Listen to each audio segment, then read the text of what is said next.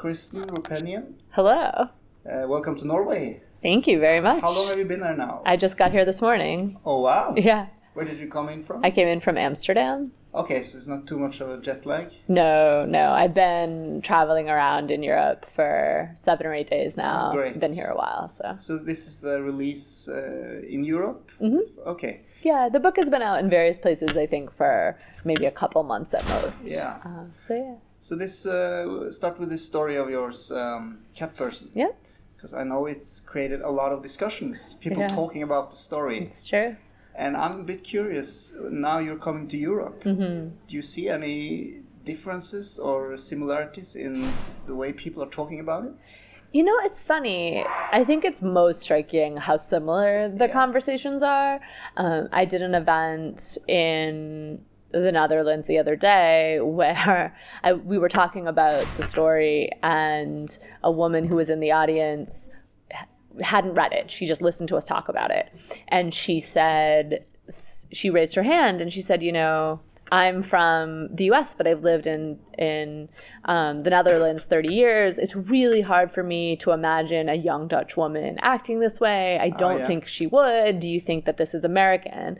And sort of before I even had a chance to say anything, like the Dutch woman who was interviewing me was like, No, I've had that experience. It's not just American, and sort of fought back.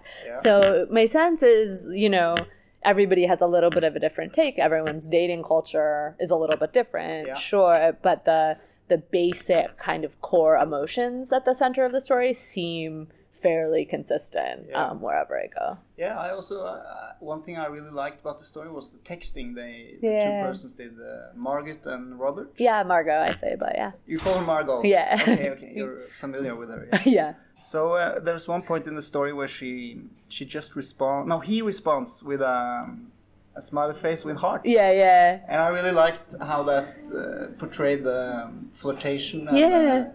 And I, I mean, as Norwegian, Yeah. we, we also do stuff like that. So I should think it's quite similar. Cool, thanks. Yeah, the um, getting the texting and the flirtation right was actually something I was really self conscious about when I was writing because you know I was 35 when I wrote that story. I'm 37 now, and Margot's 20, and Oh, so yeah, there were a lot of moments where I was like, "Oh, am I making this look sound the way that an actual 20 year old would sound?" And there were a couple points where I wanted to have them say something over text, but I couldn't because. Um, I was like, oh, I, I don't feel confident I could get it right. Oh. So I did a lot of work to make the texting seem authentic. And so then when people actually were mistaking it for an essay or whatever, there was part of me that was like, nice. I guess Yeah, I pulled a lot of people thought this was a, a non-fiction piece. Yeah, at least some people did. Certainly, they there was a lot of people kind of misidentifying it as an essay or an article, whether that means they actually thought it was directly true or whether they just thought they got the word wrong. I don't know. I think it was probably a mix of both.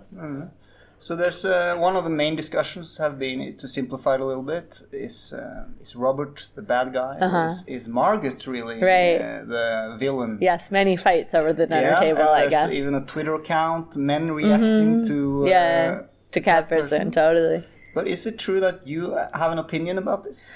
I mean, I when I wrote the story, I knew there was some ambiguity, and I wanted there to be. I think um, one thing that's really true about the story, and that I try and remind people of whenever they get too much into the Robert versus Margot Yeah. question, is that the whole story is from Margot's point of view, and Margot's opinions on Robert change really drastically over the course of the story. Where sometimes she thinks, "Oh, like he's sweet, he's just intimidated by me. He maybe didn't go to college. He like da da da da da."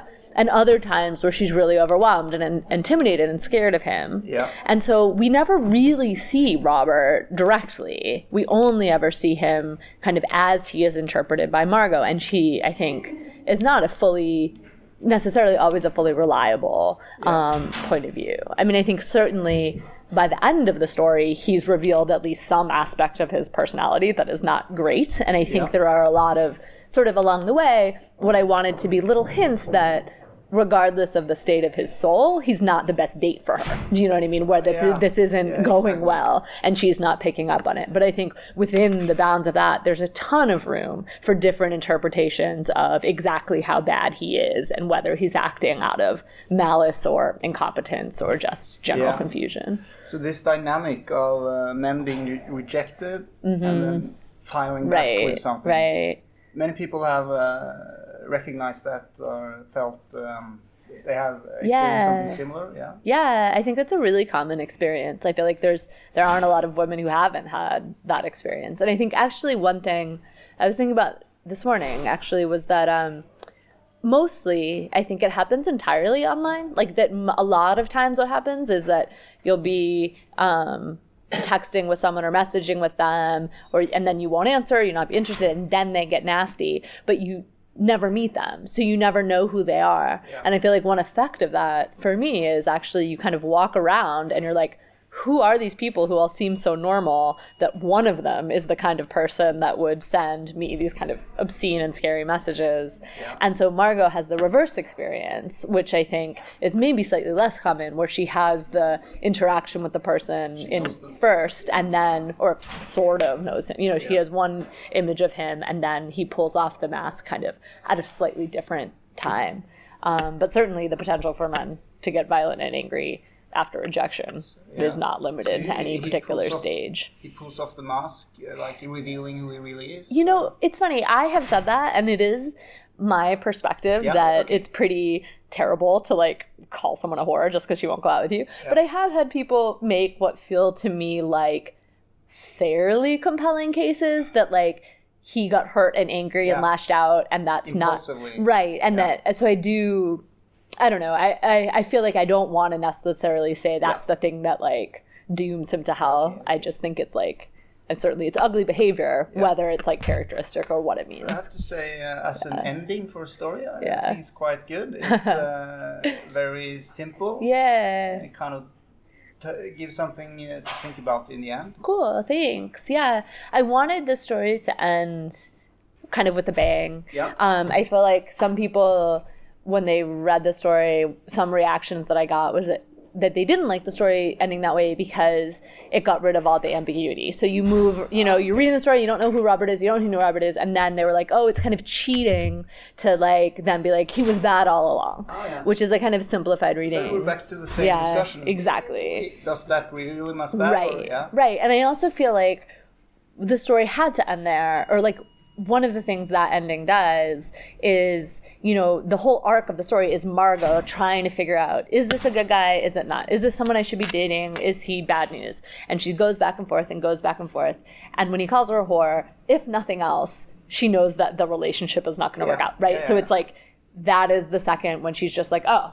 It gives her some right. closure. it's or it's just clarity right? It's the first moment where she has kind of unequivocal evidence Yeah. of like the way that he's behaving towards her So um, and there's like many ways of ending stories. Yeah. Uh, or, or even writing stories, of course. You have like the surprising Yeah. endings, and Yeah. more like a feeling. yeah It seems to me in your collection you do both. yeah i hope so Yeah? but i think i lean towards i think of it and i think that's true about cat person too is that it's a little bit of a genre ending like Yeah. a story that um, is more sometimes more plot driven stories will have endings that feel like kind of more a slightly ab either ab like explosive and powerful is one way of putting it but abrupt is if you don't like it they feel Yeah. abrupt Yeah. and i think my tendency and my like affection is for stories that kind of go boom and then yeah, yeah. you walk off stage without a ton of like Yeah. analysis or assessment or like a quiet trailing off So I read you had a um, affection for uh, Stephen King. yeah definitely Yeah. yeah So uh, and some of the stories are um, yeah monsters. yeah for sure they're d- real monsters in Yeah. the in those some stages of them are real. Some of them are more like uh, talked about. yeah uh, yeah Yeah. rumored monsters Yeah. So and, and you're also writing a horror movie now. hmm Yeah, um, I have written one actually. Okay, yeah, it's already written. yeah, and we just found a director for it, so I'm doing revisions on it now. Okay, So, nice. Yeah, would you like to say something about other inspirations for your writing? Like we Yeah. mentioned Stephen King, but Yeah, um, the one that I always mention, who's Okay. kind of like the, the, the North Star for me, is um, Shirley Jackson, Okay. who I think is a writer who combines horror and humor in a way that I find really compelling. And I feel like, Lord knows I don't always reach it, but I'm always like straining for the effect that I think that she has in almost every single sentence, which is this kind of like askew perspective where you both see kind of how horrifying and how hilarious life is in any given moment. And I, so I really love her. yeah, Yeah. Shirley Jackson. Yes. So Haunting of Hill House, The Lottery, um, We Have Always Lived in the Castle is another one of hers. Okay, Yeah. nice.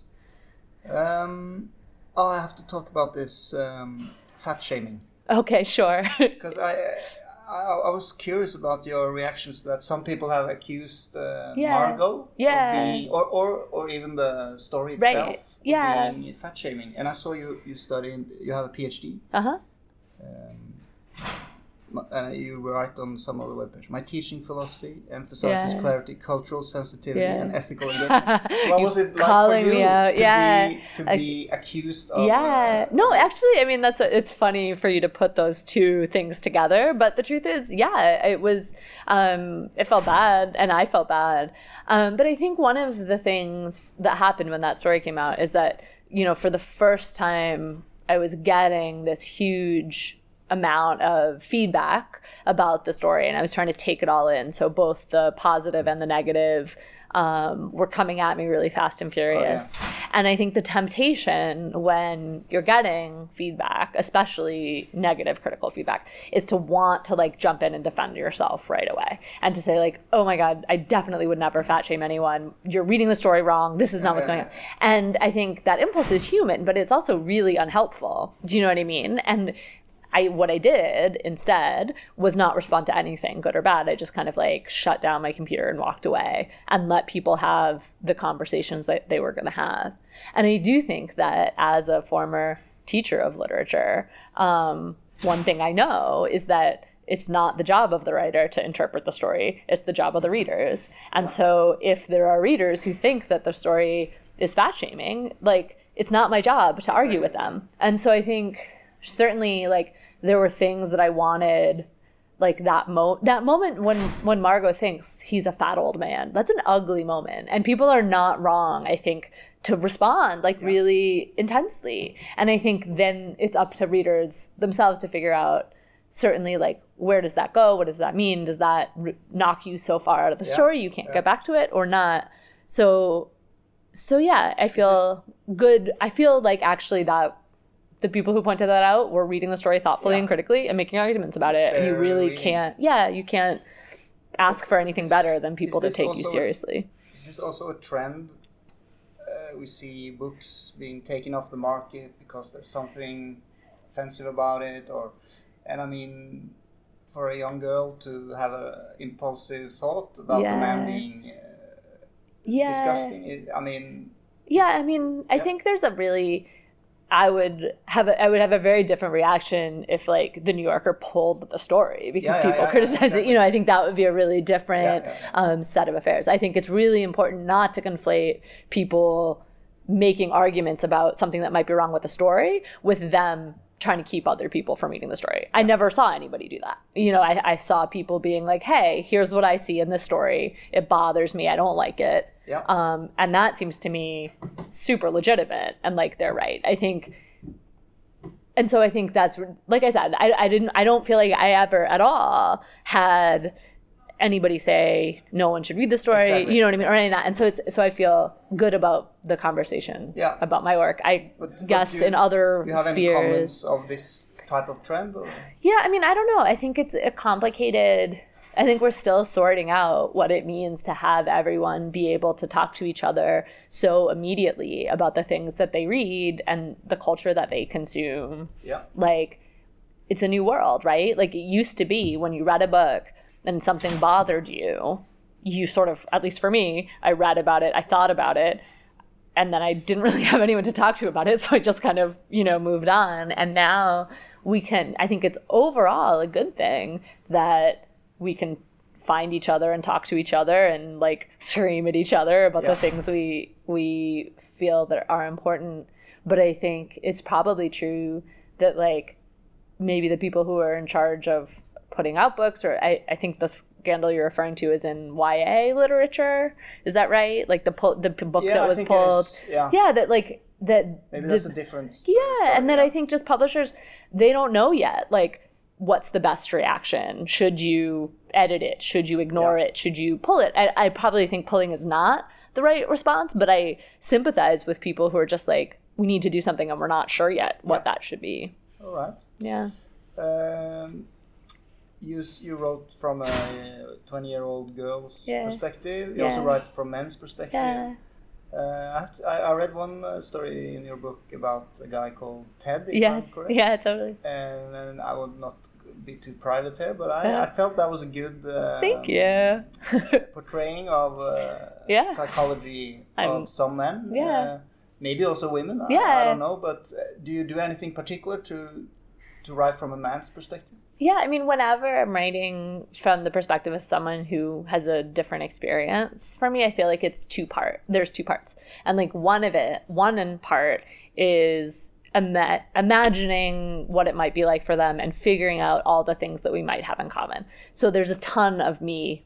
Again, yeah, not to be too private or whatever. Is there's a ton of me and Ted, right? Yeah. And I think that's true of like just humans that a lot of stuff overlaps, right? You and have you- something in common. Exactly. We, we, can see something in exactly Yeah. yeah, and and all the at least anyone I'm if I'm writing from their point of view Yeah. like I have to have that with them I Yeah. can't write about someone that I think is totally just out there and away from me um, but at the same time I think I also need to pay attention to what I don't know you know and what might be my blind spots about writing about someone and sometimes like that I mean, I don't. I wouldn't say I did research. I feel like I'm surrounded by men. I don't need to d- do extra research, but um, I, I try and pay attention. Like when I was saying with Margot and the texting, it's Yeah. the same thing where you're just like, oh, I might not know something, so I kind of have to like hide what I don't know. And I Yeah. feel like one thing with with Ted and with all the ma- male characters in the story, actually, um, that I only noticed after is that almost all the, they are always in scene with women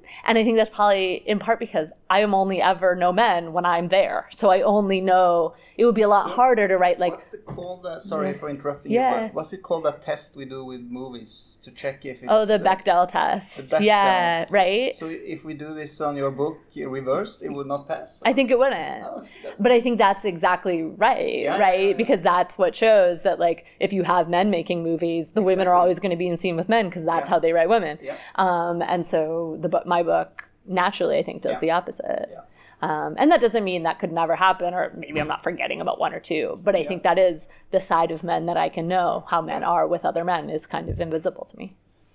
Another thing I thought, uh, both the men and also a lot of the women, not all the men, not all the women, they are, they are, um, some of them are, you know, assholes. Yeah, yeah, totally. and you're laughing. Yeah, um, no, but they are, or they they engage in very bad behavior. Yeah. um, they're kind of extreme versions, I think, or um, their actions take them to some extreme places. I hope that they, I think it's possible to have a character behave in a way that's absolutely indefensible and also to be able to identify with them and to feel like in different circumstances, you know, there, but for the grace of God go I. I think I, one of the things that's really interesting to me in about fiction is the chance to like let the kind of shadow asshole we all carry around with ourselves like out to play and to see kind of where if you indulge your worst impulses where you might end up without saying without endorsing it as a path you know Okay, I think maybe we'll let that be the okay a good sure ending. yeah And um, just uh, uh, so you have your book out Yeah. in Norwegian. Yeah. And, uh, when's your movie coming out? uh, i don't know i have to revise it so, oh, so it's on uh, scripting. yeah, so I wrote the script, but now I have to revise the script, and they have to approve the Ah, revised okay, so script. long So it'll still be a little ways away. Okay, and looking forward. thank you. I am Was it- also very yeah. excited. Thank you very much for Yeah. this interview. Thank you. It was fun.